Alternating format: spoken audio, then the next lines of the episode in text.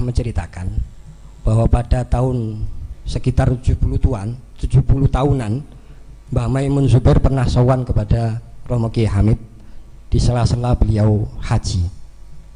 Diceritakan bahwa saat itu Mbah Maimun ditemani oleh Gus Ubab mencari maktabnya Romo Kiai Hamid yang konon saat itu berada di maktabnya Syekh Muhtar Sedayu setelah mencari begitu lama akhirnya beliau ketemu. Ternyata di depan pintu Ya Hamid sudah menyambut. Romo Ya Hamid sudah siap menyambut Mbak Maimun Zubair. Setelah uluk salam, Ya Hamid menyapa beliau. Kalau bahasa Gus Ubab, Maimun ya? Nggih Apa yang dikatakan oleh Romo Ya Hamid saat itu? Cek pintere sampai iku noto wong cek pintere sampean itu noto wong kata Romo Ki Hamid. Entah apa yang terlintas dari Mbah Maimun tapi kenyataannya saat ini bisa dibuktikan bahwa segalanya sebelum beliau pergi telah ditata sedemikian rupa sehingga ketika beliau pergi betul-betul ditinggal dengan dengan suasana dan keadaan yang lebih tenang. Hadirin hadirat yang dimuliakan oleh Allah Gus Bahak mungkin salah satu di antara tatanan beliau Beliau adalah salah satu kader bahkan santri terbaik beliau yang mempunyai tanggung jawab besar. Di antaranya adalah mikul tanggung jawab dakwah keilmuan pesantren uh, yang telah dirintis oleh beliau. Beliau merupakan salah satu dai ulama yang fenomenal saat ini yang menjadi harapan besar bagi pesantren. Beliau menjadi harapan besar untuk mengembalikan martabat pesantren keilmuan pesantren di tengah gempuran berbagai macam dai yang macam-macam yang sebelumnya tidak kita kenal membawa ilmu-ilmu yang baru bahkan menyalah-nyalahkan tradisi dan keilmuan pesantren yang ada. Beliau muncul pada saat yang tepat menjawab semua tantangan tersebut menjawab semua gempuran tersebut dan mengembalikan martabat keilmuan pesantren pada tempat yang terhormat. Hari ini akan kita saksikan akan kita dengarkan paparan-paparan beliau yang sangat-sangat mengagumkan. Setelah kita juga banyak menyaksikan pengajian-pengajian beliau yang walaupun sederhana melalui YouTube ya tetapi menyimpan sebuah mutiara-mutiara ilmu yang luas dan luar biasa. Saya pertama kali melihat pengajian beliau di YouTube hanya satu kata pujian untuk beliau. Mohon maaf Gus Bahab sebenarnya nggak suka dipuji ya tapi meminjam gaya beliau ini penting saya utamakan. Ini penting saya sampaikan. Satu kata pujian untuk beliau. Mungkin kurang adab edan.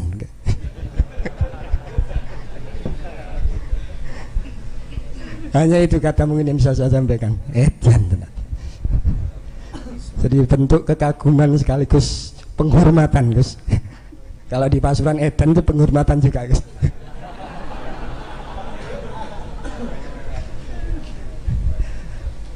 jenengan sedaya boleh setuju atau tidak boleh percaya atau tidak. Tapi mari kita buktikan hari ini keedanan beliau ya.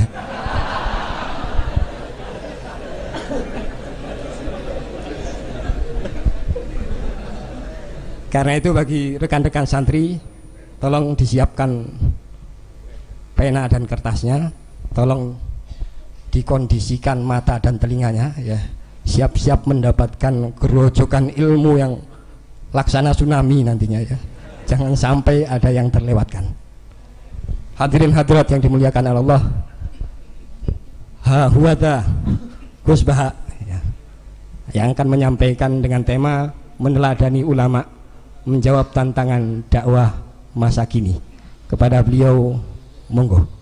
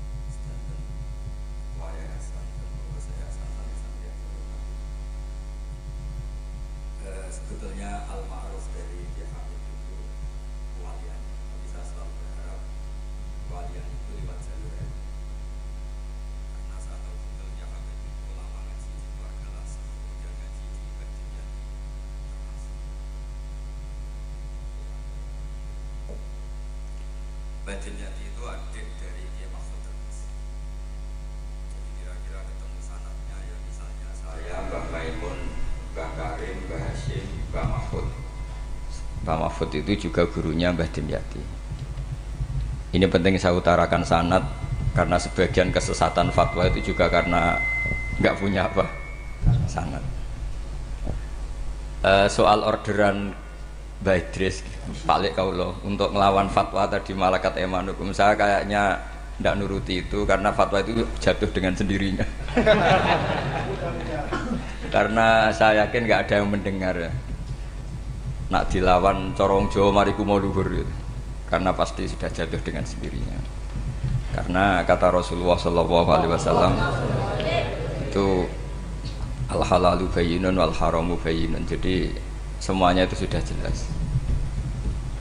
E, manusia itu diwatakkan untuk mencintai fitrah salimah. Sehingga dalam tradisi jahiliyah sekalipun ketika Rasulullah mulai dakwah itu kata orang-orang Quraisy Muhammad kalau kamu ingin aneh-aneh itu karena ingin kaya jamak nala kamalan. Kita kumpulkan harta kemudian anda jadi orang paling kaya. Kalau kemudian anda ingin dari aneh-aneh itu mendapat perempuan kata orang Arab jahiliyah sebelum ada Islam kata mereka juga zawasnakaha. Maka perempuan itu yang kamu cintai kita akan mengkawinkan menikahkan kau dengan dia. Artinya adatun nikah itu adat yang dahulu dan mulai dulu yang namanya nikah itu melibatkan wali melibatkan keluarga. Makanya di antara pujian tiba berjanji terhadap keluarga Rasulullah SAW adalah tarokus sifaha falam yusibbu ma'aruhu min adami wa ila abihi wa ummi. Sehingga sifah ini yang definisinya ya jelas nikah definisinya juga apa? Jelas. Kalau ada orang tertentu yang belum jelas definisi itu itu sudah di bawah awam lagi sudah ndak ndak awam tok tapi sudah di bawahnya. Di bawah nol. Sehingga nggak usah dilawan orang-orang yang punya nilai kayak kita ini. Karena tadi zaman jahiliyah saja jika Muhammad kamu ingin aneh-aneh itu ingin nikah zawas nakah kita akan nikahkan kamu dengan perempuan yang kamu inginkan. Nggak ada dalam satu riwayat pun yang dikatakan maka saya sewakan atau saya bookingkan. Tidak ada. Semua redaksi zawas nakah itu artinya ada seremonial akad yang bernama apa? Nikah. Makanya dipuji tarokus sifaha. Falam yusibum aruhu min adamiu wa ila abilau. Kemudian dalam fikih juga dikatakan nikahul jahiliyah adalah sah tidak perlu ditajdid ulang lagi ya nikah fil jahiliyah. Itu tidak perlu ditajdid fil Islam. Asal tidak ada mufsid yang gati misalnya begini ya.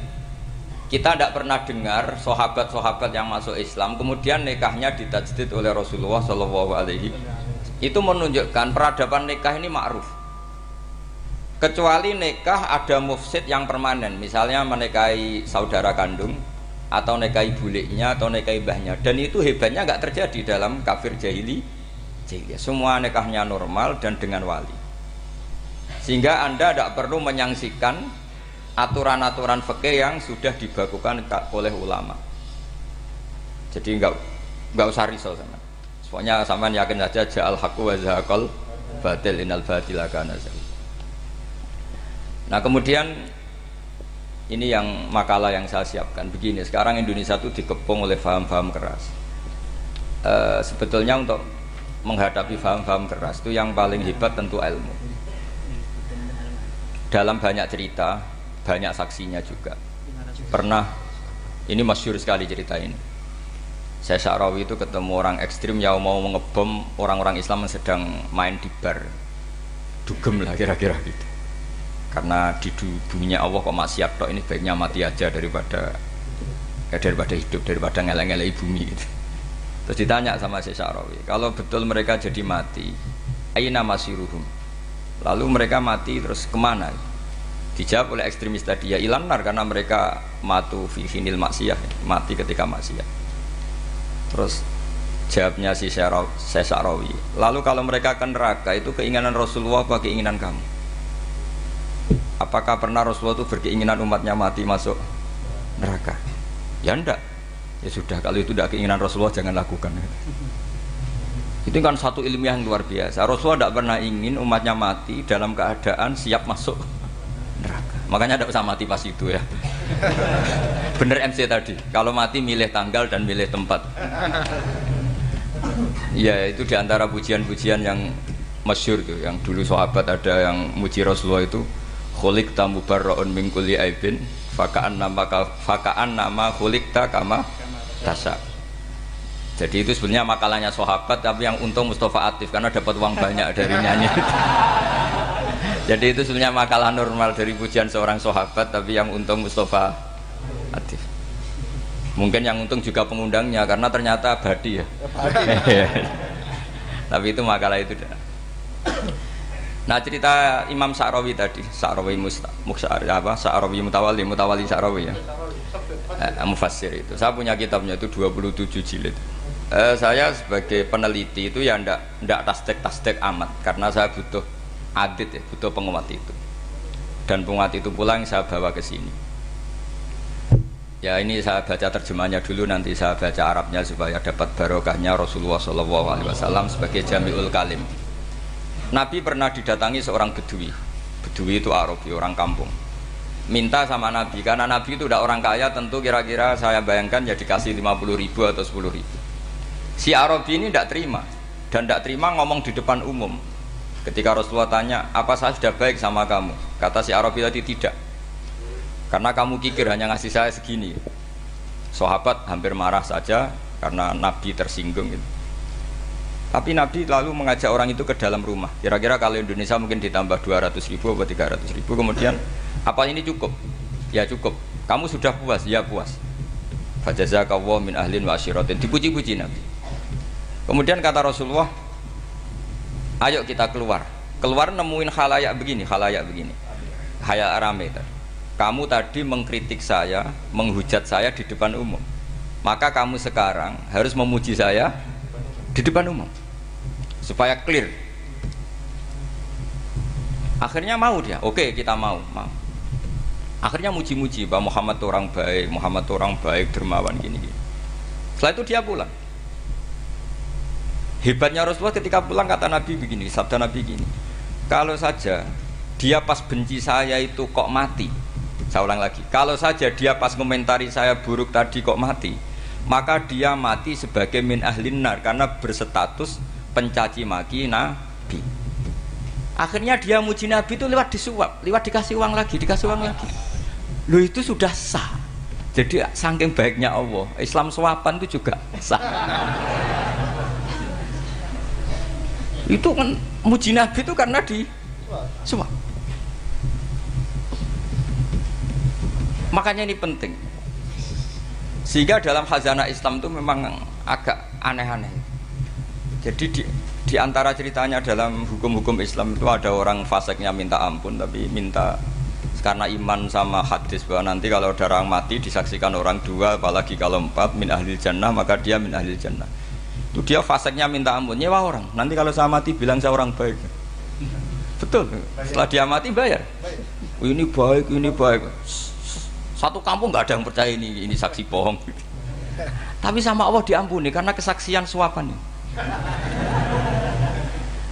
lalu berarti jenengan ngalah suap ya ndak ada ngalah suap ngalah sodako karena sekarang kalau ada caleg bayar katanya sodako ya sodako terpaksa ini penting saya utarakan karena apa? Allah itu menilai itu tidak sama dengan pikiran kita. Makanya kubu sebelah ini terlalu ekstrim. Memaksa Allah berpikiran kayak dia. Satu karena kurang ngaji. Nomor dua ya tadi emosinya lebih tinggi ketimbang intelektualnya. Ini penting saya utarakan. Ternyata orang yang nyuap tadi apa nilainya plus, yaitu dia iman sama dawe Rasulullah Shallallahu Alaihi Wasallam. Kalau yang namanya saksi itu penting. Cuma dia mendapat cara itu lewat suap. Tapi kan iman. Iman kalau dawe Nabi itu benar, kalau ada saksinya pasti min ahlil jannah. Terus dia nyari saksi harus dibayar ya dibayar. Sekarang sama iya sak juta nah. Sekarang saya saya tanya di KPPS atau di mana-mana saksi pemilu itu dibayar enggak? Dibayar sah apa enggak? Sah. Jadi kadang kebenaran itu harus harus dibayar. Ini penting saya utarakan karena ada orang perempuan cantik dirayu, digaji supaya e, main di niklab dibayar jadi orang maksiat. Lalu mungkin ada ustadz gaji dia, bayar dia supaya mondok. Gak tahu terusannya apa, terus dibayar apa enggak, enggak tahu saya. Pertanyaannya ketika kamu bayar kemudian jadi santri, itu kamu dosa nyuap apa dosa sodako membiayai proses kebenaran? Sodako.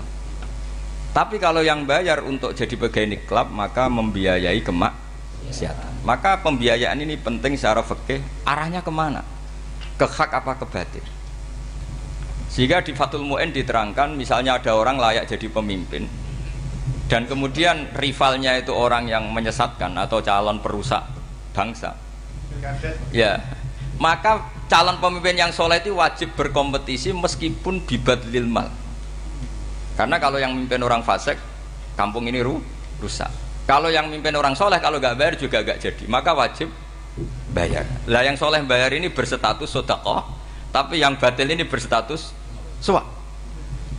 Kenapa demikian? Karena yang namanya riswah atau ada yang baca ruswah adalah pembayaran untuk mengehakkan barang batil dan membatilkan barang hak. Sementara pembiayaan orang soleh adalah untuk memperkuat Nah orang tuh nggak tahu yang ngajinya tidak hatam-hatam tuh taunya pokoknya arrosi wal murtasi benar. Nggak tapi nggak pernah mikir lalu definisi riswah atau ruswah itu apa?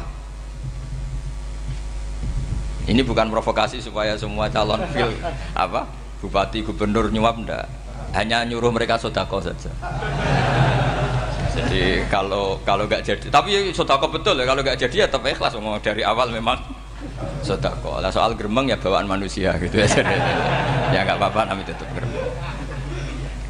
Ini penting saya utarakan makanya menurut saya saya itu bangga dengan Pak Hamid karena sepupu mbah saya itu karena alimnya meskipun banyak orang mensifati beliau wali dan memang wali betul tapi saya tetap menstatuskan beliau orang alim.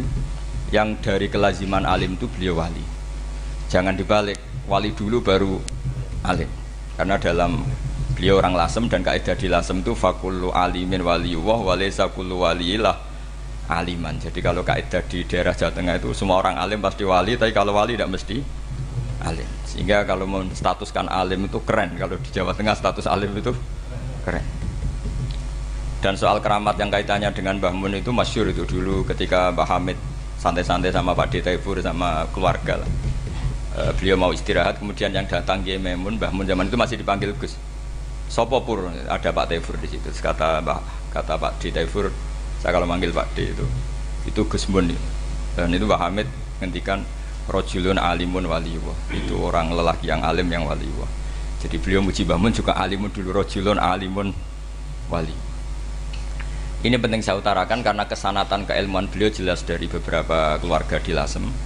Karena di daerah Fakhriyah itu yang tempat lahirnya Pak Hamid juga lahirnya Mbah saya itu bahbahnya sudah orang alim termasuk Kiai Sidik Jember itu juga lahirnya di kawasan pondoknya Pak Hamid Fakhriyah.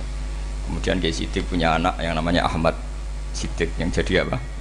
Rois Am yang sekarang ada Gus Wirjon macam-macam. Itu semuanya juga keluarga langsung nah saya cerita keluarga ini penting bukan karena tafakhur atau tabai bukan karena Allah itu membuat satu tradisi besar memang lewat duriyah sehingga Allah ngendikan misalnya ulaikal ladzina an'ama Allahu 'alaihim minan nabiyyin min dzurriyyati Adam wa mimman hamalna ma'anu wa min dzurriyyati Ibrahim wa Israila wa mimman hadaina wastabaina.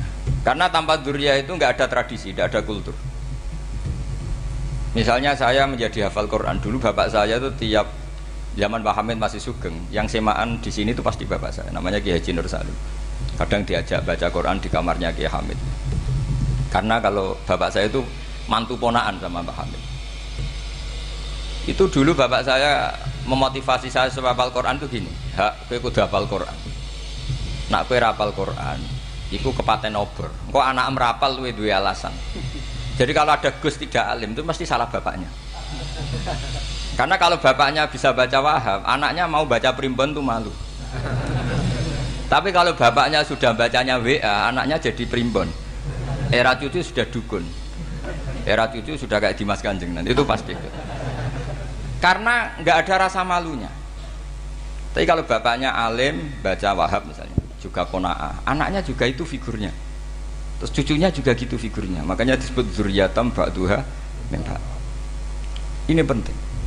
Dulu Mbah Mun itu sering ngijazahi saya itu persis ijazahnya Bapak, ijazahnya Mbah Hamid. Kalau punya amplop itu ya dibeda-bedakan ini amplop dari tamu, ini dari pejabat, ini dari orang fakir. Sehingga penggunaannya juga sesuai itu. Tidak serampangan. Karena dianggap amanat. Kalau kita salah tasarruf maka menjadi hisab. Kalau sekarang nggak salah dikumpulkan. Orang desa salam template wadol pitik kuru wedus kuru. Ambek gusi tuku HP seri terbaru itu kan kasihan ya. Padahal sing salam tempel itu ibunya kerja di Malaysia. Mungkin gelantungan ngecat tembok di Malaysia. Hasil salam tempel eh digugus tuku HP terbaru itu kan nggak imbang. Nah tuku tuku tasbih kan sumbut. Ini bukan nyindir tapi ngamuk. Jadi jadi ini penting karena semuanya itu ada hisapnya. Walatus alun nayoma idin aninai. Karena tradisi ini harus kita teruskan ala kodril karena itu nanti yang mengawal ilmu. Kemudian termasuk tradisi mengakui santri goblok, ini penting. Itu nggak ada santri sebarokah santri goblok. Makanya dulu Mbah Mun, Mbah Hamid, Kiai Kiai Alim itu kalau sama santri goblok ya tidak benci. Nggak kayak sekarang semua orang bikin sekolah unggulan. Sekolah unggulan itu kritik saya hanya mem memproduksi orang-orang yang nantinya mendapat. Kalau kamu punya santri apal Quran, nanti hadiahnya umroh. Langlanya umroh. Santri pinter hadiahnya beasiswa. Tapi hubungannya sama negara itu mendapat. Sementara santri yang goblok hidup di pedalaman Kalimantan karena di sana belum ada masjid bikin masjid sebagian hartanya dipakai masjid sebagian hartanya dipakai bangun masjid. Ini yang goblok pendiri masjid. Yang pinter pengajian di masjid dibisaroi uang kas masjid artinya gini Ya kalau halalnya halal, tapi kita mbok yoroh hikmahnya orang-orang goblok itu. Supaya kita tetap ngaji Robbana ma khalaqta hadza batila. Semua ini ada gunanya. Subhanaka ma Jadi semuanya ada gunanya. Maka pagi santri-santri yang goblok tolong nanti saya di Fatihah karena saya ini pembela pembela Anda. Lo yang ngomong biar saya karena saya terkenal santri pinter. Kalau yang ngomong sampean goblok kan nggak ada yang percaya. Oh, padune padha gobloknya kan gitu yang ngomong harus saya saya itu niru Rasulullah Shallallahu Alaihi Wasallam. Nabi itu kalau ada santri serabakat pinter itu diwari sak surat usung nang mulai us pinter banyak itu. Balihu ani walau ayah ada sahabat ngaji hanya diajari idza zulzilatil ardu sudah sudah kamu pulang sudah pinter. Karena betul. Sekarang coba dia ngenangan. Ada santri alim alamah. Mungkin bakasnya furu'iyah. Gimana hukumnya jumatan jumlahnya itu 40 kurang atau 40 pas imam. Kemudian ada yang batal satu hukumnya gimana? Dia mikir furu'iyah. Sementara yang goblok dia di desa tertinggal gak ada masjid. Piye caranya dia masjid? Ini bikin aslul ibadah. Yang sini sudah khilaf tentang yang gak pen gak penting jadi orang goblok kadang lebih keren Akhirnya apa? Durianya yang goblok nanti jadi orang alim alama ngekholi wong goblok karena pendirinya biasanya orang pati pinter. Itulah Allah Subhanahu wa taala. Ada ada bikin sesuatu itu sia sia-sia. Nah, saya ini korban ilmu itu. Akhirnya santri saya banyak yang nggak jelas. ya, tapi ya saya terima saja. Saya santri itu macam-macam. Ada yang profesor, ada yang doktor, ada yang goblok, ada yang baru tobat kemarin ada yang Cina lagi seneng ahli sunnah wal jamaah macam-macam. Semuanya ngaji sama saya. Karena saya tetap berkeyakinan Robbana ma khalaqta ini penting saya utarakan karena khazanah kita ini jangan digerus oleh orang yang tidak bertanggung jawab. Pernah ada di hadis muslim ini cerita di Sahih Muslim. Ada seseorang sedang sujud kemudian diinjek oleh orang fasik. Saya ulang lagi diinjek. Rokok banyak yang diinjek itu rokok banyak lehernya itu diinjek sama orang fasik Kemudian si yang sujud tadi bersumpah wallahi la yaghfiru. Demi Allah, Allah tidak akan mengampuni kamu. Itu Allah kemudian mewahyukan sama Nabi di zamannya. Wahyunya adalah mang dalladzi yata'alla alayya alla aghfira li fulan laqad ghafartu dzunuba wa ahbattu amalak siapa yang mencantut namaku dengan menstatuskan saya tidak bisa memberi maaf sungguh orang itu saya maafkan dan yang ahli ibadah amalnya tak cabut semua tak hapus semua karena Allah tuh nggak boleh distatuskan sesuai keinginan kita. Kita sedang soleh terus mengatakan orang lain tidak soleh Allah tidak akan ngampuni. Ngampuni tidak itu wilayahnya Allah. Dan Allah yaf'alu ma yasa dan Allah berkali-kali memaklumatkan dirinya ya lima yasa wa yu'adzibu mayasa tapi ini kubu sebelah nyifati Allah hanya wa yu'adzibu kubu sebelah kan gitu. Tidak pernah kalau Allah disifati yaghfir. Bagaimana Allah gak tersinggung? Allah selalu distatuskan yu'adzib itu kira-kira kalau Allah kan gini saya ini bisa yu'adzib bisa akhfir kenapa status saya tinggal? Yu'adzib ini ngaji di mana? Khatam enggak? Gitu kan gitu. Makanya resikonya ahli sunnah itu masyur tuh Pak Hamid Pasuruan. Tamu macam-macam diterima. Ketika orang benci Golkar itu ada tamu dari Golkar juga diterima. Ketika orang nggak mau diberi hadiah oleh orang Golkar Pak Hamid ya diterima. Bilang ke bapak mengaku lo mau wainur duit enggak ono gunane di sing marai rawan hisap itu kan kamu dapat uang nggak jelas kemudian kamu pakai pribadi. Kalau orang-orang soleh kan nggak pernah dipakai kan aman saja. Loh dihisap apanya? Wong hanya peralon kalau istilahnya Pak Hamid itu peralon datang diberikan orang lagi datang diberikan kalau kena kamu kan hisap terus kamu nyate makan wareg glegeen wah itu uangnya nggak jelas dipakai nyate glegeen ya mesti hisap kalau nggak jelas ya di disodakohkan kalau ingin bebas apa? Bisa. Tapi kalau sering sodako biasanya nggak bebas dari miskin. Tapi kalau kamu wali kan tetap kayak Pak Hamid itu masyur bisa kok tapi kan nggak jadi miskin. Kamu nggak terkenal sakok tapi miskin. Ini nggak wali. Ini penting. Jadi kebanyakan orang ekstrim karena mensifati Allah Ta'ala itu hanya dengan status yu'adzib tidak dengan status yaghfir dan itu mereka harus ngaji lagi kurang apanya Rasulullah Wasallam Nabi sebagai manusia benci sekali sama pembunuh Hamzah karena qatilu ahabban qatilu ahabbin nasi ila Rasulillah yaitu sama Wahsy. Siapa yang nggak tahu Wahsy? Qatala ahabbanas ila Rasulillah itu qatala Hamzah. Dan ketika Nabi nyuwun sewu maksud-maksud no Wahsy, Allah malah nurkan ayat laisa laka minal amri syai'un aw yatuba. Ada pilihannya aw yatuba. Apa yang terjadi? Justru Allah mentobati. Memaafkan Wahsy, mentobati Wahsy. Ada sahabat yang dipuji Nabi Hamamatul Masjid, akhirnya suul khotimah. Kita tahu ceritanya siapa? Sa'labah Makanya kata Mbah Mun sering cerita ke saya. Akeh banyak orang darani saya itu tidak jelas kata Mbah Mun karena saya sama siapa saja baik sehingga banyak yang nuduh saya itu tidak jelas. Kata beliau, ulama paling jelas ya saya ini karena masih orisinil kata beliau. Tapi pakai bahasa Jawa karena tadi Mbak Idris bilang ada yang MA ya, Mbak. Madura asli tadi, makanya saya terpaksa bahasa Indonesia tadi. Kata Mbah Mun ulama paling jelas ya saya. Karena saya menyikapi siapa saja baik, karena di hati saya hanya membaca laisa laka minal amri syai'un aw yatuba alaihim aw. Kenapa kamu vonis si buruk? Bisa saja nanti bah, baik. Yang sedang baik bisa saja nanti bu. Kalau nasib seseorang nggak jelas, kenapa kamu sikapnya jelas? Nah ini orang-orang nggak ngaji itu memaksa orang lain jelas. Ini kubu sebelah pasti salah, ini pasti benar. Wong manusia kok dipasti-pastikan gimana? Kita ini tidak nabi. Kalau nabi maksum pasti benar. Kalau sampean apa? Ma mas maksum bisa. Jadi ketidakjelasan para ulama ini berdasar konstitusi tadi bahwa itu wilayahnya Allah Subhanahu wa taala. Ini penting saya utarakan. Jadi penting sekali. Jadi orang yang sedang fasik sekarang bisa saja nanti tobat. Yang sedang sekarang soleh bisa saja nanti masalah. Sehingga Rasulullah tetap mengajarkan ya mukallibal qulub sabit qalbi ala Jadi kalau ngaji itu hatam. Hatam itu begini misalnya ya saya pernah ngaji Ihya, belajar Ihya Khatam. Bahkan saya punya takrirannya berdasar kitab Ithaf, sarahnya Ihya. Kalau ingin tahu sanatnya sarah Ihya, ya misalnya Gus Idris ini, oleh Idris ngaji Mbah Hamid Pasuruan, ngaji Mbah Dimyati. Mbah Dimyati ini ngaji sama kakaknya Kiai Mahfud Termas. Kiai Mahfud ngaji sama abahnya Kiai Abdullah. Kiai Abdullah ngaji sama abahnya Kiai Abdul Manan. Kiai Abdul Manan ini mulazim terhadap Sayyid Murtado apa? Az-Zabidi. Jadi kalau santri Salafiyah ini ya kira-kira topkoh Sabiah. Karena Mbak Idris Sadisa ya kira-kira sampean tuh dari pengarang Ithaf itu baru tokoh berapa? Sabiah. Masih keren. Turun pitu. Masih kaya lah. Lah kamu kok miskin? Turun ke wolu katanya. Jadi nanti kalau kamu masih keren. Itu sampai sampean ngaji kitab kalau khatam. Saya, saya ulang lagi kalau khatam. Itu memang ada bab-bab di mana ulama itu harus tegas. Harus tafrik benal haki wa benal batil. Oke itu bagus. Mana yang hak mana yang batil kita bedakan. Di bab itu bagus.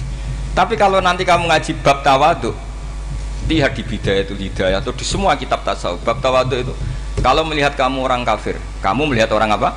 Kafir. Ini aso ma'akufri ini maksiat wajar dia kafir. Saya ini muslim kok maksiat fadam bi akbah maka dosa saya lebih bu, buruk.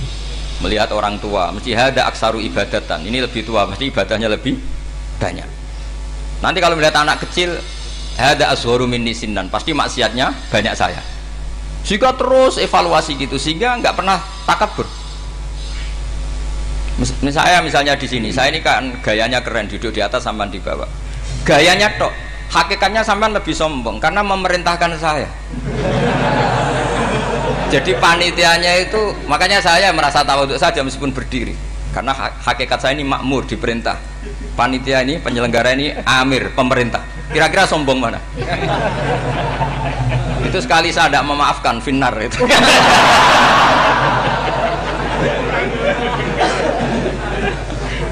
Tapi insya Allah tak maafkan iya masih insya Allah jadi ini penting. Jadi mbok ya orang-orang yang ekstrim tuh mikir keinginan Rasulullah Shallallahu Alaihi Wasallam itu umatnya meninggal dalam keadaan baik. Makanya benar tadi notulen tadi kalau doa kalau ingin mandi itu memang harus ada jadabnya. Tapi yang asli loh ya jangan jangan gaya-gayanan. Ya asli betul yang nggak khilaf memang asli itu ada seorang wali doa di depan Nabi itu begini ya Allah saya harus jadi orang soleh. Allah dia harus haruskan itu kan gak sopan ya. Ya Allah saya ini harus jadi orang soleh. Kenapa? Sekali saya soleh maka surah habibu yang senang kekasihmu. Sekali saya fasek maka yang senang musuhmu yaitu iblis. Tinggal jenengan milih mana nyenangkan kekasihmu apa nyenangkan musuhmu? Akhirnya dapat aku ya sudah soleh aja soleh ini kok. Doa kok neror orang ini. Kira-kira gitu. Jadi ya Allah saya harus jadi orang soleh kalau saya jadi orang soleh, surah habibuk yang seneng kekasihmu. Kalau saya jadi orang fasik yang seneng musuhmu. Sedangkan tinggal milih saja menyenangkan kekasihmu apa menyenangkan musuhmu. Kira-kira Allah seneng mana? Seneng menyenangkan? Wah itu doa paling mustajab. Tapi syaratnya harus anti bikolbin dan dari uh, ijazah nggak mandi itu ijazah nggak mandi. Maka ini tidak saya ijazahkan. Nanti kalau kamu ngalami isak sendiri, ngalami wujdi sendiri, terus ngalami itu, insya Allah makbul. Dia mau gaya-gaya nan kopi pasta nggak diterima itu.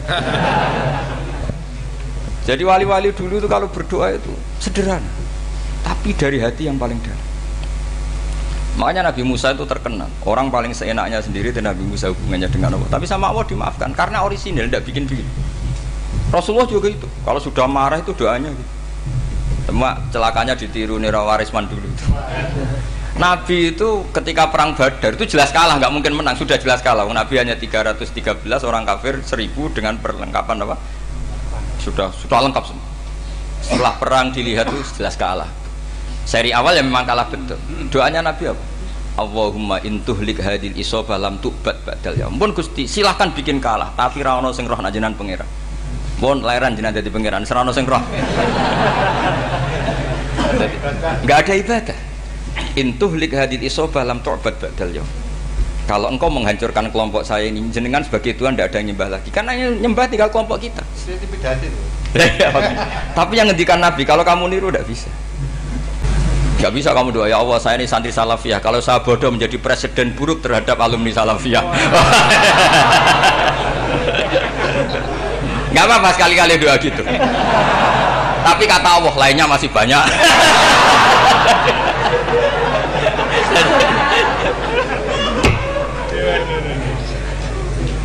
Tapi itu syaratnya tadi harus ada al wujdi wasima jadi makanya Imam Ghazali punya kita bul wujdi wasima karena ada masrob ada syarab jadi wali ngikuti para nabi itu ada masrob ada syarab sehingga perasaannya itu beda saya punya sekian contoh makanya tadi saya bilang di sini yang cerita nanti tak baca Arabnya ya tabaruk dengan jamil apa? Kalim jadi Nabi menyontohkan gini ya hubungannya Nabi dengan umatnya itu kata Rasulullah ibarat orang punya unta atau sapi yang yang susah yang sarodat sarodat itu berat kalau bahasa sini nama betul yang larat ya pak? Melayu. Terus orang-orang lain ingin membantu kubu sebelah ingin bantu. Tapi ketika mereka ingin bantu malah unta ini tambah lari karena asing. Semua selain pemiliknya ini kan bagi unta itu asing. Jadi mau dibantu ditangkap tambah lari karena ini orang asing semua. Ngajinya agak jelas asalnya agak jelas tapi mau ikut umat Islam ini asing semua. Akhirnya Nabi kata Nabi yang punya unta itu tadi datang kemudian ngambil rumput terus unta itu dipanggil kemudian unta itu ngikuti kata Nabi ibarat saya seperti itu.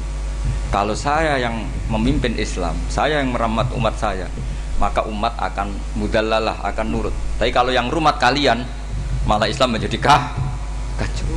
Kenapa menjadi kacau? Karena tadi nyifati Allah saja salah. Orang Islam-Islam baik dihukumi kafir hanya karena tahlilan hanya karena manakiban dihukumi kafir. Sekarang inginnya Nabi orang menjadi muslim apa kafir? Inginnya Nabi orang menjadi muslim apa kafir muslim. Lalu gara-gara melakukan perilaku tertentu dihukumi kafir. Iya Zara Wali Songo musyrik nyekel patok musyrik. Katanya minta sama mayit. Padahal saya andekan jadi mayit itu dijaroi sampean nggak seneng. Nggak senengnya karena ya kadang murid itu jari gurunya ya kurang ajar. Masa gurunya dibilang gini ya Allah ingkana musinan fazid fi isani wa ingkana musian fata jawas andu kata gurunya soleh tenan darani ingkana makanya saya tidak suka zaman ziarah ke saya kecuali doanya ditasaikan dulu ke saya makanya nggak boleh ziarah itu pada nabi bisa murtad kan Coba itu baca di depan Nabi murtad gak?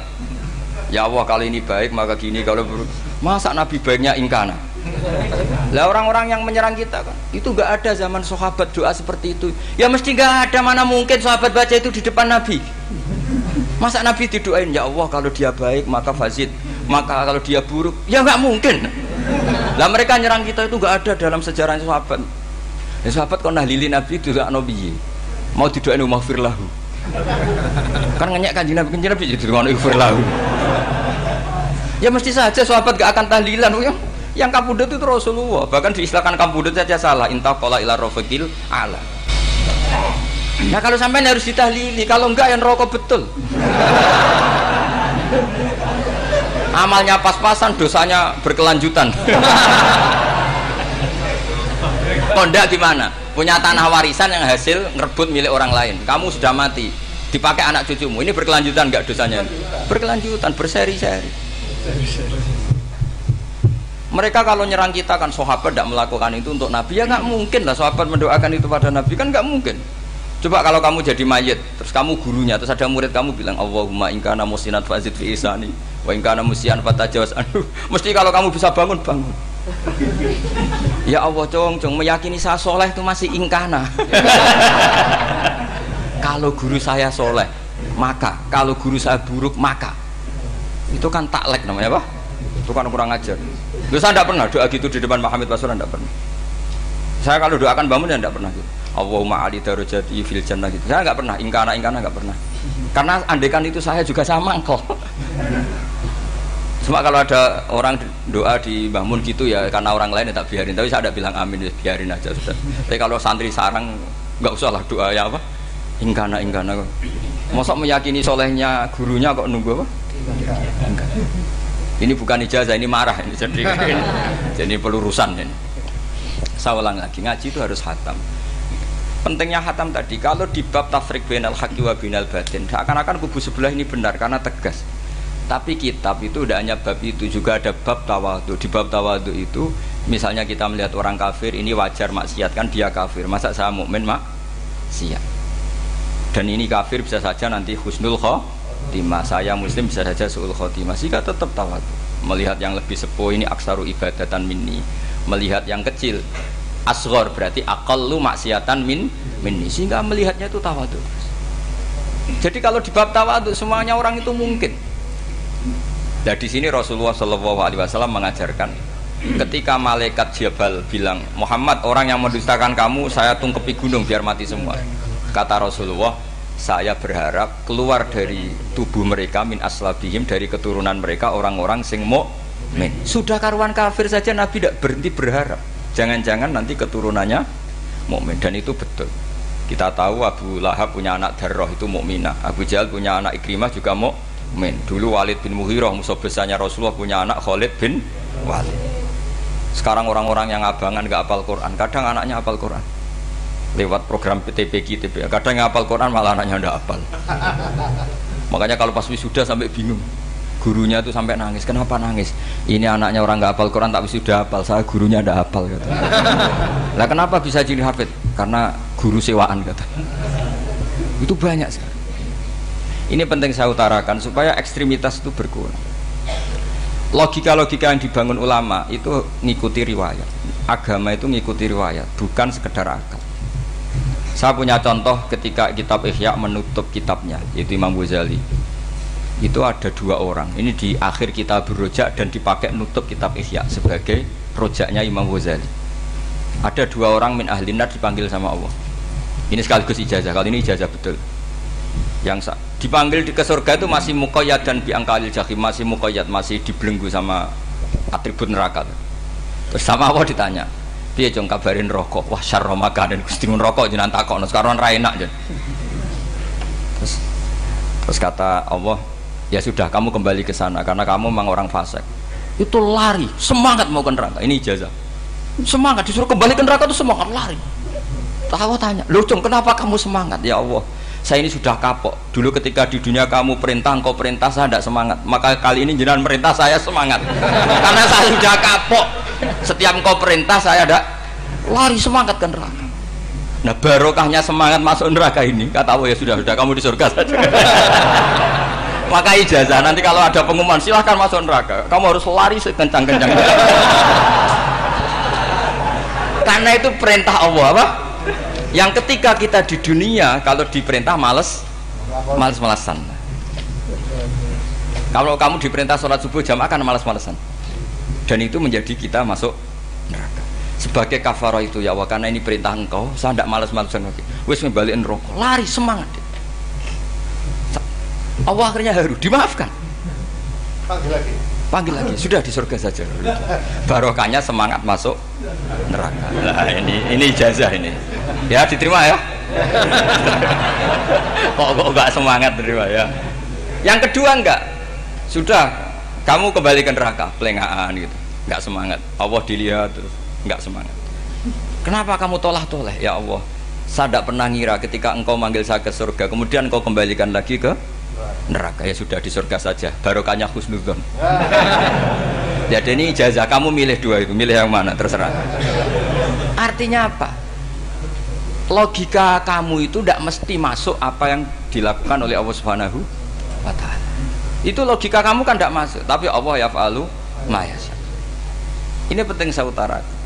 Nah, tapi orang-orang ekstrim itu maunya nyifati Allah hanya status yu'adzim, yang jabar, kohar. Sifatnya Allah Ta'ala itu 99. Kenapa apa kamu hanya satu?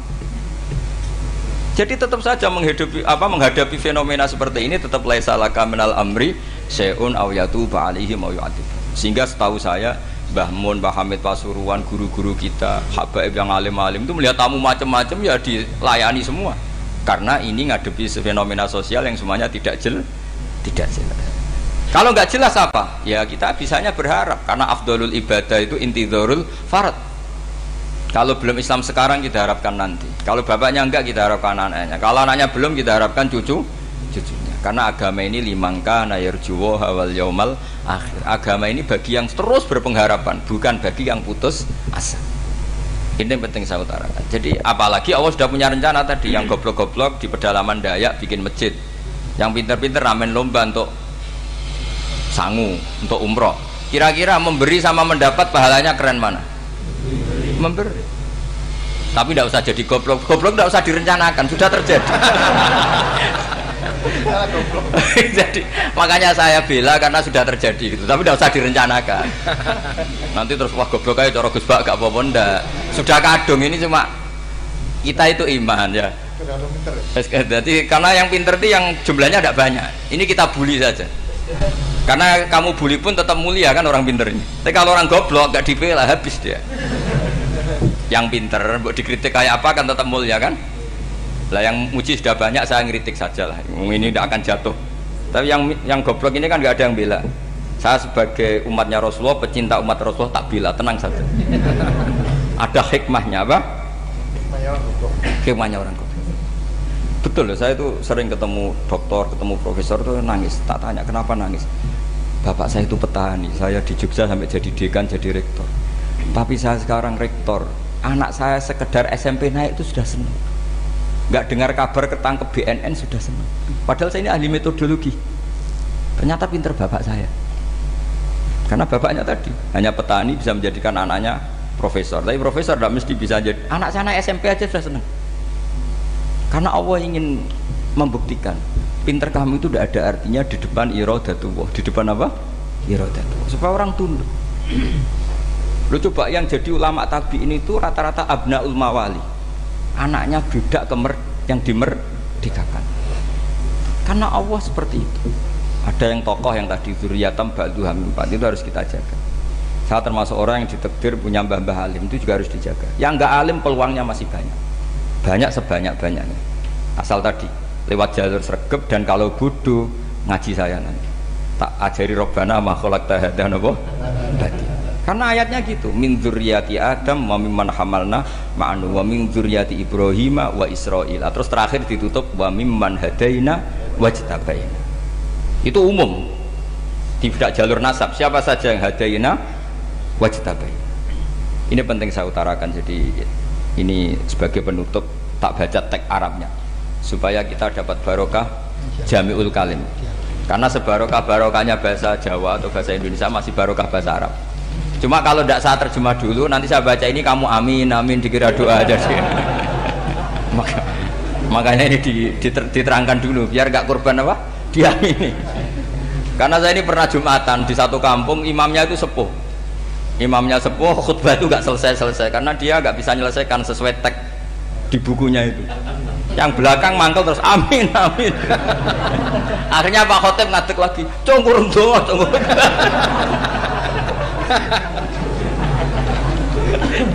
ya ini masih tek Arab atau yang belakang sudah apa? Amin amin. amin. Ya saya baca. Yang disemak Bismillahirrahmanirrahim. Waruya anak Arabian ja'ahu yatlubu min husai'an fa'atahu. Sumaqala ahsantu ilaika dikasih sesuatu ya tadi saya contohkan misalnya dikasih hanya 10 ribu. Qalal arabiyullah wala ajmalta. Kamu ya belum berbuat baik. Faghadibal muslimun wa qamu ilaihi orang-orang Islam marah besar karena Nabi dikomentari la ajmalta. Kamu tidak orang baik. Fa asyara ilaihim an kufu kata Nabi jangan jangan kamu pukulin. Kalau di Madura sudah tuntas tuh kena celurit itu kalau. Sumakoma kalau di MA ada dia di Madura asli tadi ya sudah ya sudah tuntas. Sumakoma wa dakhala manzilahu. Setelah itu terus arsala ilahi sallallahu alaihi wasallam wa zadahu syai'an. Kemudian Nabi menyuruh dia ayo masuk rumah terus ditambahi. Faqala ahsan tu ilaika? Qala na'am fajazakallahu min ahlin wa asyiratin khairan. Setelah ditambah banyak sama Nabi saya sudah baik sama kamu. Wah baik kalau sekarang baik.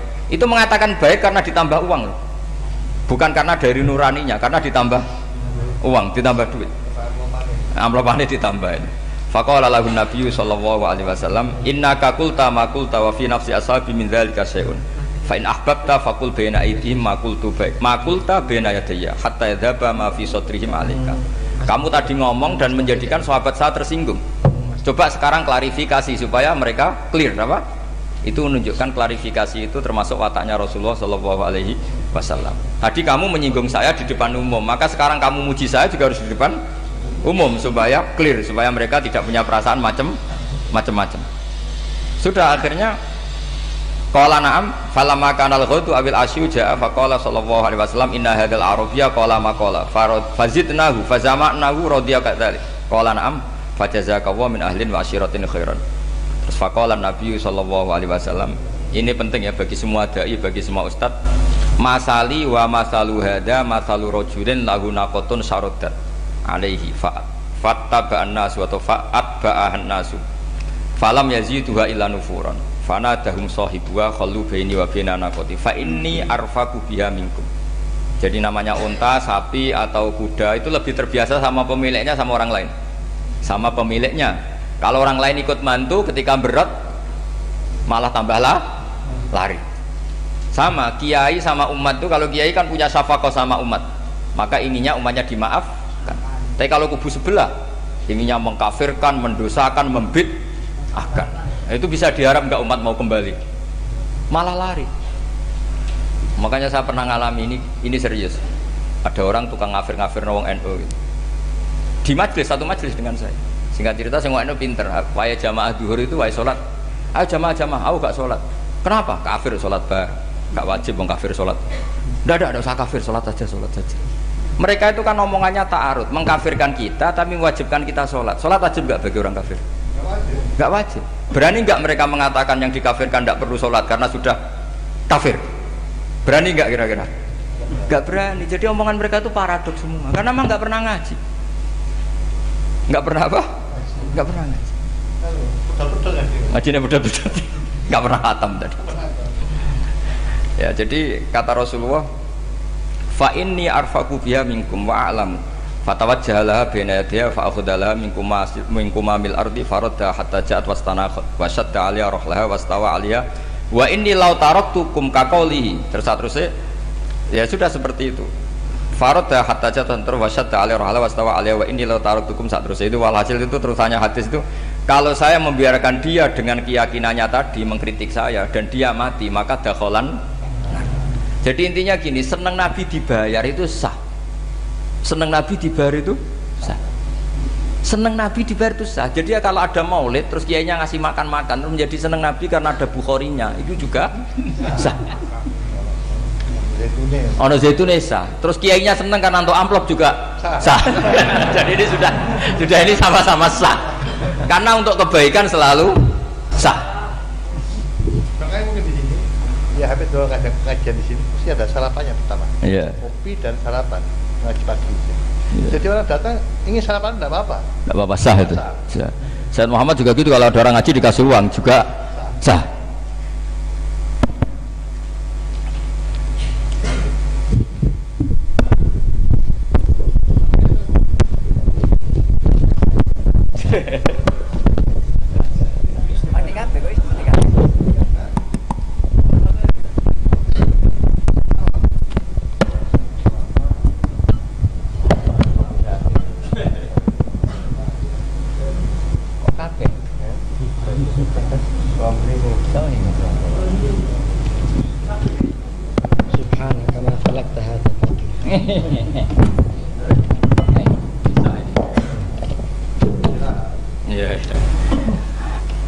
Ya jadi ini jelas ya, jadi riwayat ini jelas. Kemudian riwayat yang ada di kitab Bukhari ketika Rasulullah didustakan, dibully. Ini wa ana mahmum ala waji falam astafik illa wa ana biqarni sa'alib yang di bawah garis itu ada yang di Bukhari. Farofatu rosi faidan ana bisa habatin kot adzallatni fanadzartu faidan fiha jibrilu fanadani faqal Inna wa qad sami'a qawla qaumika laka wa maraddu 'alaika wa qad basa ilaika malakal jibal litakmurahu bima syi'ta fihim Fanadani malakul jibal fasallama aja thumma ya Muhammad faqala dzalik bima syi'ta in syi'ta an udbika alim al akhsaban faqala Nabi sallallahu alaihi wasallam bal arju ayyukhrijawahu min aslabihim ma ya'budu wa wahdah la yusyriku bihi syai'an. Jadi Nabi menghadapi yang sedang kafir saja enggak putus asa. Bisa saja mereka nanti melahirkan anak-anak yang Islam. Jadi kalau ada kiai menghina orang kafir itu jangan melihat kiai kok pancanan wong kafir. Yang benar itu kiai yang penuh harapan. Sehingga sama orang kafir saja berharap. Tapi sekarang enggak. Kiai pancanan wong kafir, kiai kok pancanan wong fasik. Logikanya dibalik. Kiai nelateni wong kafir nak menawa anak turune masuk Islam. Kiai nelateni wong fasik anak menawa dadi so soleh. Logikanya harus seperti itu. Nah soal perang itu beda. Perang kan mereka sudah menstatuskan diri ingin bunuh kita. Tentu kita harus berani untuk mempertahankan diri. Tapi kalau kondisi normal tidak bisa seperti itu. Ini kan kondisi normal. Itu Rasulullah. Iya nggak boleh. Karena tadi. Bahkan kalau saya pernah ngaji ini di Sidogiri pernah cerita Rasulullah jajar Nabi Nuh. Ada seorang wali, pasnya Abu Hasan Asadili. Siapa Abu Hasan apa? Asadili. Mimpi ketemu Rasulullah jajar Nabi Nuh Kemudian Nabi Nuh itu digojlok sama Rasulullah. Kamu pernah masukkan kaum kamu bisa saja fi aslabihim atau fi zuhurihim ada nasamatan sing tuk minubillah. Sekarang misalnya begini ya, ini orang kafir. Di sini itu ada gen yang ribuan. ila yaumil qiyamah. Bisa saja gen-gen yang sekarang masih di zuhurihim karena kalau apa gen di lelaki diistilahkan fi zuhurihim ini saja nasamatan tukmin. Nasama yang nanti mukmin. Kalau dia mati kan berarti kamu membunuh calon orang mukmin berikut.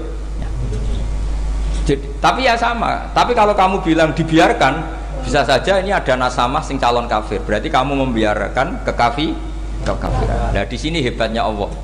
Allah bikin Nabi Nuh mewakili istihad potensi kekafiran berlanjut sehingga beliau bilang wala yalidu ila fajiram kafaro paham ya kan Rabbila tadhar alal ardi minal kafirina dayara innaka intadharhum yudillu ibadaka wala yalidu ila fajiram kafaro logika itu terwakili oleh Nabi Nuh logika bisa saja ini ada nasamatan untuk minubillah itu terwakili oleh Rasulullah bal arju ayyukhrijawahu min aslabihim may ya'budu waha wa la yusyriku Kayak apa untungnya kita jadi umat Rasulullah sallallahu alaihi wasallam.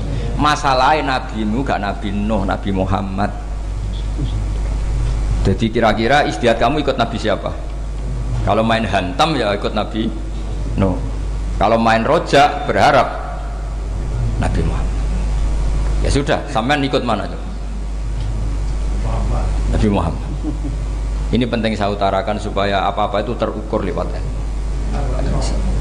Ya pokoknya istilah kayak wali songo, kayak wali songo yang tercerminkan sampai ke kita kayak Pak Hamid karena Pak Hamid ini sanatnya secara gen sampai Sunan Bonang, di silsilah itu sampai Sunan Bonang. Saya punya catatan nasabnya Mbah Hamid Pasuruan sampai Sunan Bonang ditulis Mbah Him itu. Ya, pas 40 harinya Mbah Hamid itu silsilah itu. Eh, saya kira demikian, saya mohon maaf atas kesalahan.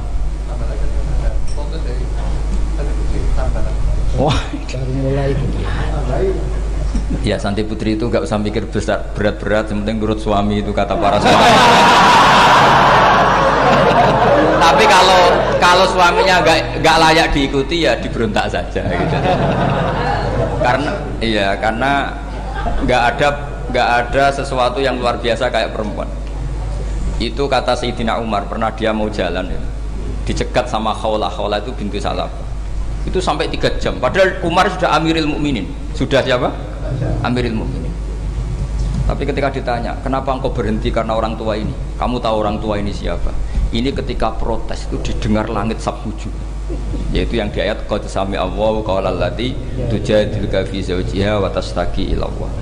Jadi sing protes wong wedok ora trimo bojone. Kanjeng Nabi diprotes ya singkat cerita Khawlah itu cantik. Memang harus contohnya harus cantik. Kalau jelek nggak bisa. Khawlah itu cantik sekali. Walhasil dia mungkin head atau apa lama mungkin head terus suaminya datang. Aus ini datang Aus bin Somit ini datang. Melihat istrinya pas sujud. Di semua teks riwayat fa'a jabatu ajizatuha. Makanya gambarannya harus cantik enggak usah diterjemah ya fa'a jabatu ajizatuha Singkat cerita Aus itu minta dilayani saat itu juga. Si Khawlah nggak mau karena sedang ibadah. Mbok engkok engkok sih mas kok dalu. Enggak kau sekarang. Saking mangkelnya karena agak kesampaian. Ya orang lanang kan gitu, mesti kotor kalau gak kesampaian. Terus Zoharomin Hadiah melakukan dihar anti aliyah kadohri umi. Dulu dihar dalam hukum jahiliyah adalah to tolak. Setelah ditihar, aus getulnya bukan main karena khola ini cantik. Makanya contohnya cantik karena kalau gak cantik gak getun itu. Terus kalau gak cantik juga suaminya tidak kesusu gitu. Sudah tahu toh, sudah tahu semua pokoknya gitu punya Singkat cerita akhirnya suaminya datang ke Rasulullah. Ya Rasulullah, saya ini sangat mencintai istri saya, tapi tadi saya keterucut dihar dia. Lalu solusinya gimana? Ini karena tambahnya khas perempuan kata Mbak Idris ya sudah tak turut ini khas perempuan. Kemenangan partai apa? Perempuan. Tapi tidak PSI, ini kemenangan partai perempuan. Kata Rasulullah, sementara hukumnya begitu. Kalau dihar itu biman zilatit tolak. Ya sudah kamu nggak bisa kumpul lagi sama dia. Istrinya dikasih tahu protes. Apa? Hukum apa-apaan itu? Diparani Rasulullah. Ini hukum tidak benar ya Rasulullah. Ya tapi setahu saya hingga detik ini saya sebagai nabi hukumnya baru begitu. Nggak benar. Dibuantah terus sama sama Nabi diancam gini. Kalau engkau tidak bisa memutuskan, tak laporkan Allah.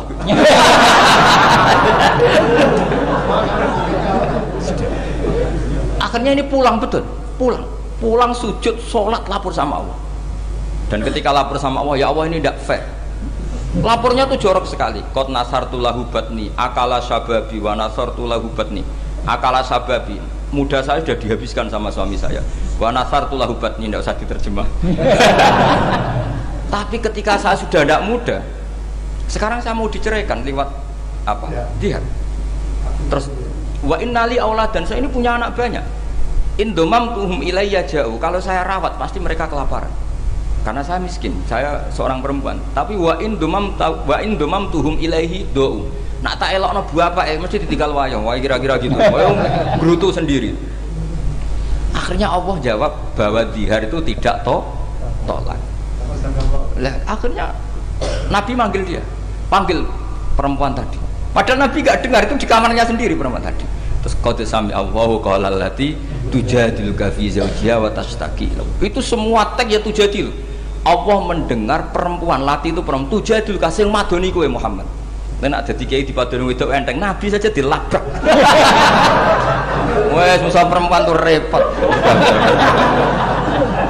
nabi dilabrak. Sampai jadi surat mujadilah. Makanya saya kalau baca mujadilah dan baca mujadalah. Ini kaitannya dengan tasrif. Jadalah yujadilu mujadalah. Dan karena sekali nggak bisa tasrif nggak sah jadi mufasir. ya jadi kalau kafaro ya kafiru ya takfiron. iya iya. Kira-kira kan gitu. Fa'ala yufa'ilu ya? Tafilan. Jadala yujadilu mujadalatan. Jadi kalau mujadalatan itu masker karena ini subjek pelaku mujadilah. Jadi boleh mujadalah bisi wadil masdar boleh mujadilah dengan segot isim fa'il. Karena wanita pembantah nabi. Itu didengar oleh Allah. Makanya ayas ma'uhu ayas ma'uha rabbul izzah min fawqi sab'i samawat walam yasma'aha umar. Allah saja mendengar dari langit tujuh masa Umar gak mau mendengar. Jadi makanya kalau Umar macam-macam orang nyewa khaulah kamu yang ngomong. Lagi-lagi dengan Assalamualaikum warahmatullahi wabarakatuh.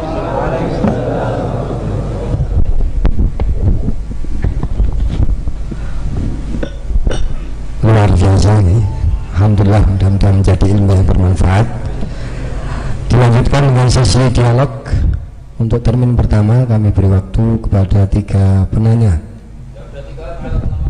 Oke, tiga penanya yang bukan termasuk yang goblok-goblok tadi ya. Monggo, silakan.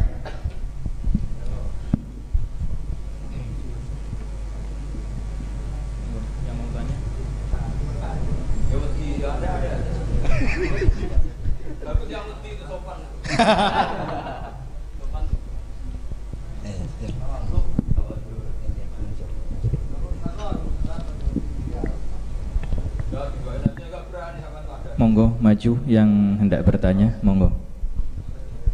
Silakan. Ada?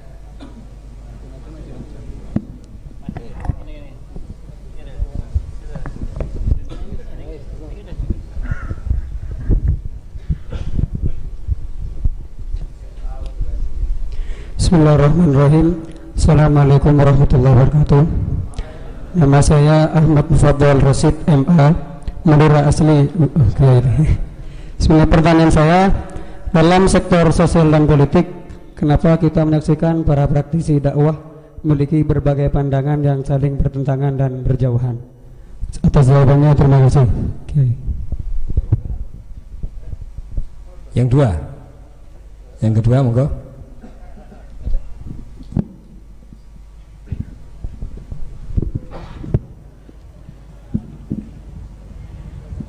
Bismillahirrahmanirrahim. Assalamualaikum warahmatullahi wabarakatuh. Nama saya Ahmad Syarif Hidayatullah Bertanya bagaimana cara menyikapi beda pemahaman dan pengamalan dalam Islam di Indonesia? Bagaimana cara menyikapi beda pemahaman dan pengamalan dalam Islam di Indonesia? Sudah. Wassalamualaikum warahmatullahi wabarakatuh. Satu lagi maju maju. Assalamualaikum warahmatullahi wabarakatuh. Nama saya Syafril. Berdasarkan dari beberapa serapan dari media sosial eh, Beberapa kubu saling mengutarakan kebenarannya masing-masing. Pertanyaan saya, kebenaran itu eh, dinamis atau statis? Menurut Enggak, enggak kan setelah jawab terus selesai jadi langsung menang. Eh, seperti yang saya utarakan berkali-kali ngaji itu memang harus khatam. Sebetulnya itu gampang sekali. Tadi pertanyaan pertama gimana? Perbedaan itu. Kenapa dalam dakwah banyak pertentangan? Ini tidak perbedaan saya bacanya. Kamu baca pertentangan saya baca perbedaan. Jadi dalam figur dakwah itu kan ada figur ahkam figur dakwah. Sebetulnya itu gampang sekali kalau kita insaf berteman orang fasik hukumnya gimana? Hukumnya ya haram diajak ke bar nyari lonte nyari WTS ya haram. Tapi kalau dibalik dakwah orang fasik hukumnya gimana? Ya baik. Bisa dakwah kalau berteman. Tapi bertemannya ke mana? Ya jangan pas ke sana. Artinya gini kalau orang kalau ada ulama bilang nggak apa-apa berteman sama orang fasik. Berteman yang proses dakwah. Haram berkawan orang fasik pas acara di bar itu bukan pertentangan, perbedaan. Saya berkali-kali bilang di pondok mana saja karena teks itu mudawan dan musalsal. Di kitab Khilyatul Aulia itu kitab kesayangan Imam Ghazali. Beliau sampai alim gitu termasuk barokahnya kitab Khilyatul Aulia wa Tabaqatul Asfiya karangannya Abu Nu'aim Al-Asfihani. Itu yang meriwayatkan itu di antaranya siapa? Meriwayatkan dawanya Sofyan bin Uyainah, gurunya Imam Syafi'i.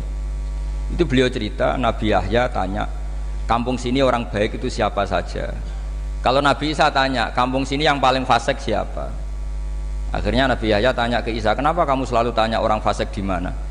Saya ini Nabi, biman zilati tobib. Nabi itu adalah dokter. Uda wil mardo, di mana-mana dokter nyari yang sakit. Sehingga khazanah kita di kiai-kiai pesantren NU banyak kiai yang kereng, tegas dia monggo. Ada kiai yang ngancani wong fasik-fasik dia monggo. Yang repot nggak ngancani, memang bagian dari fasik. Yang keliru itu yang yang itu gitu.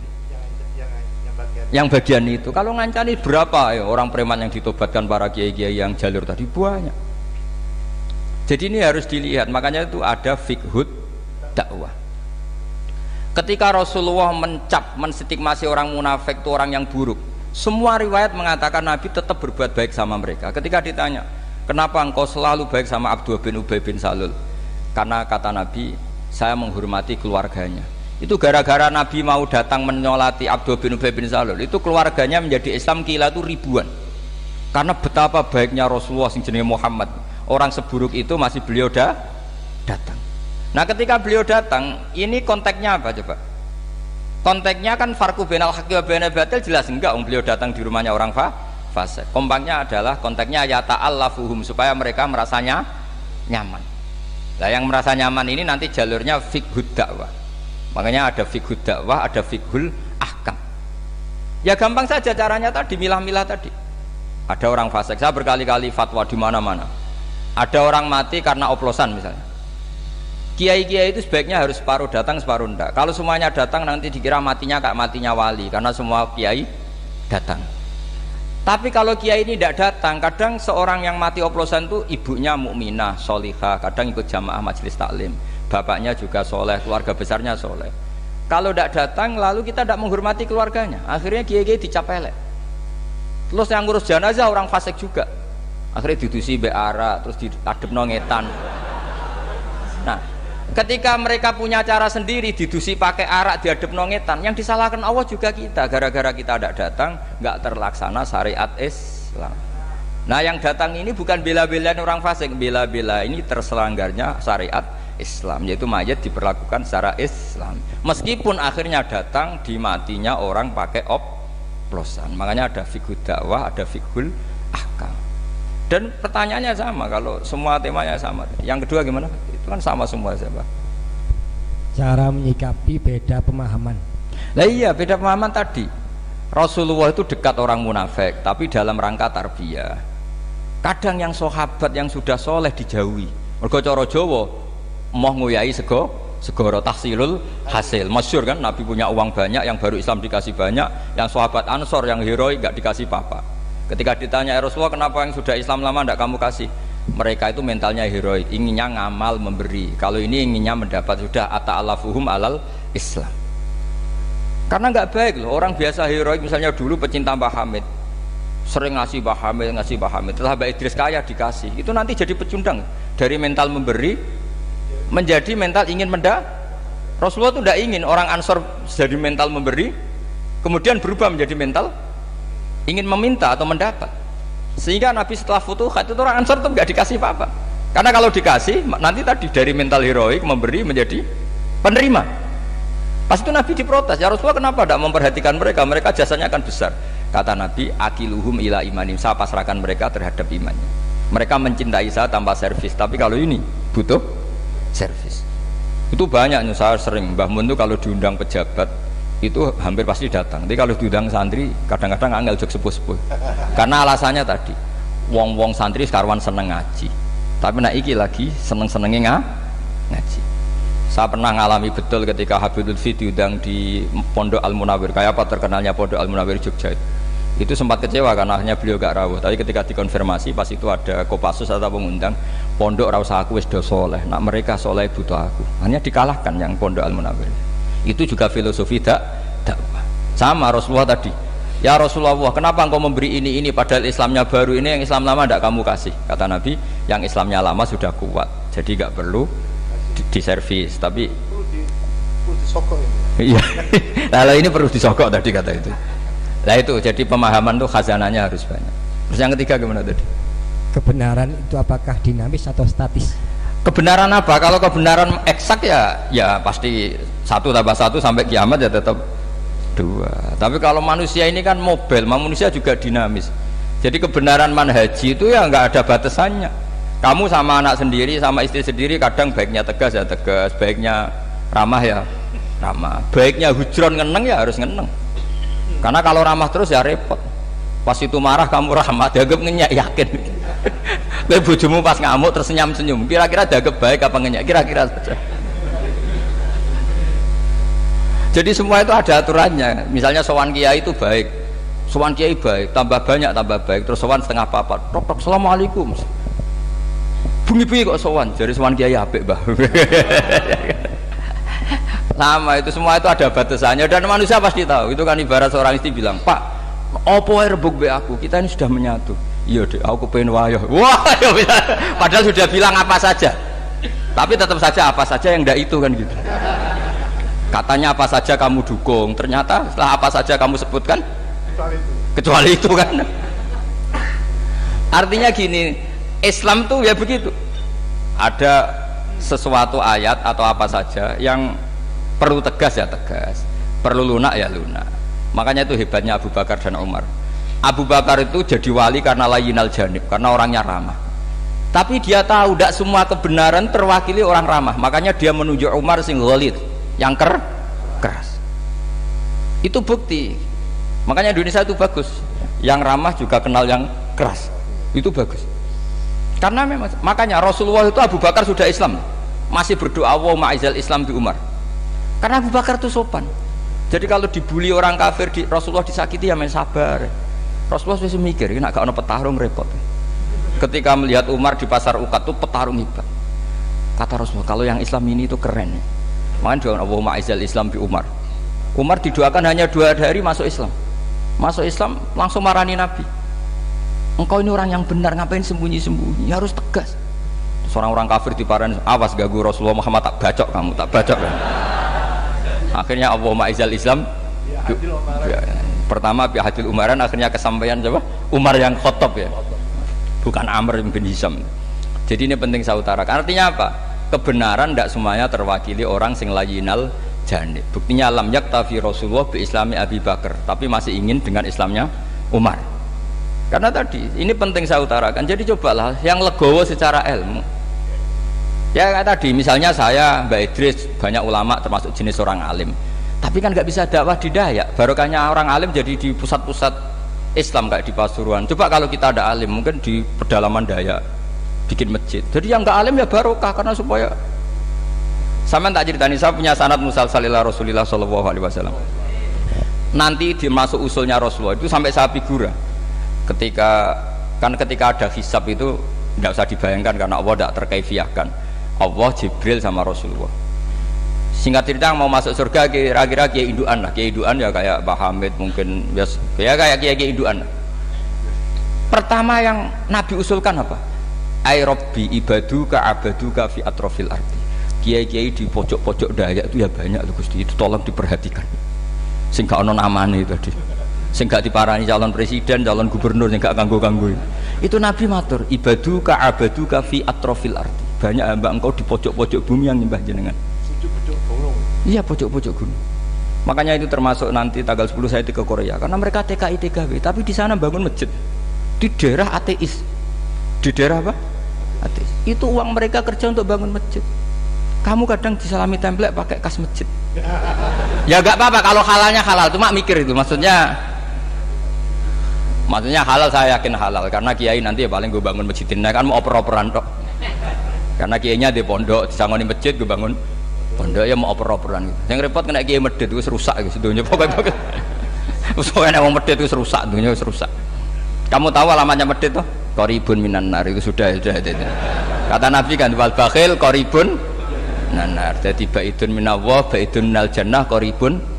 Kalau tanya alamatnya medit di mana Gus? Ya koribun nah deket-deket situ.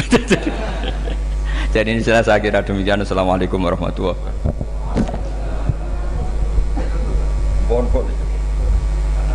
Alhamdulillah.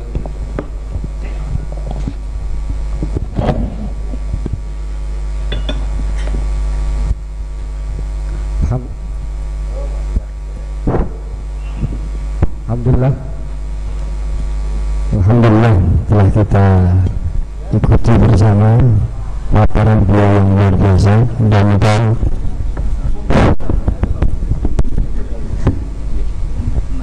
Alhamdulillah telah kita ikuti bersama laporan dan ilmu beliau yang luar biasa. Mudah-mudahan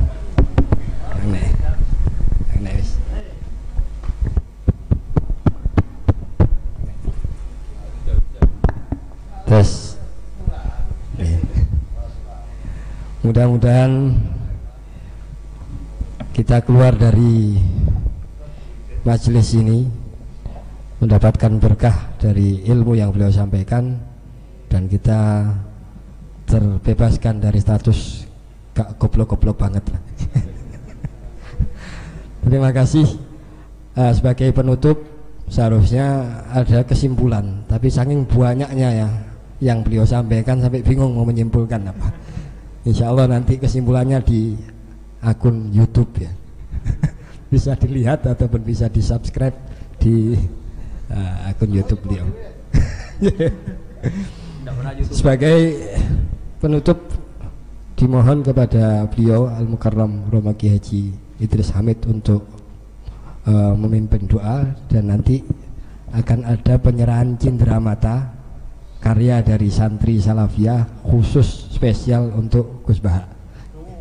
Sebagai fans beratnya beliau ini Mari beliau dari kami Assalamualaikum warahmatullahi wabarakatuh. Waalaikumsalam. Bismillahirrahmanirrahim. Alhamdulillah Rabbil Alamin. اللهم صل على سيدنا احمد وعلى سيدنا احمد اللهم على طب القلوب ودوائها وعافيه البلاد وشفائها ونور الابصار ودائها وعلى اله وصحبه اجمعين اللهم ارزقنا فهم النبيين وحفظ المرسلين وإلهام الملائكة المقربين برحمتك يا أرحم الراحمين. اللهم إنا نسألك إيمانا نافعا وعملا تقبلا ورزقا واسعا حلالا طيبا. وصلى الله على سيدنا محمد العالمين سبحان ربك رب العزة عما يصفون وسلام على المرسلين والحمد لله بسر الفاتحة.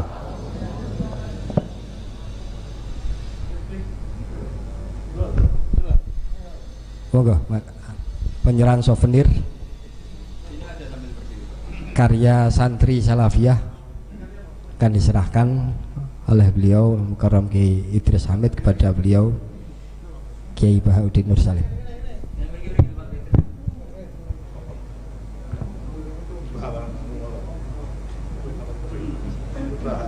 Gambar jenengan.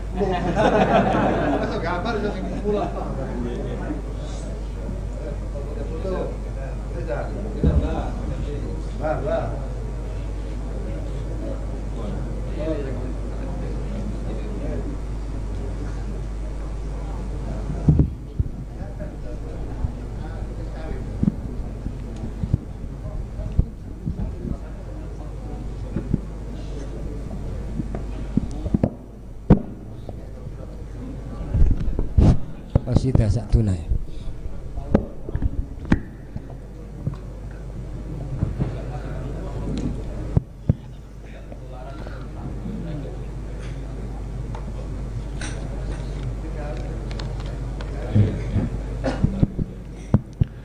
سعدون في الدنيا موزون في الأخرى بخادجة الكبرى وفاتمة زهرا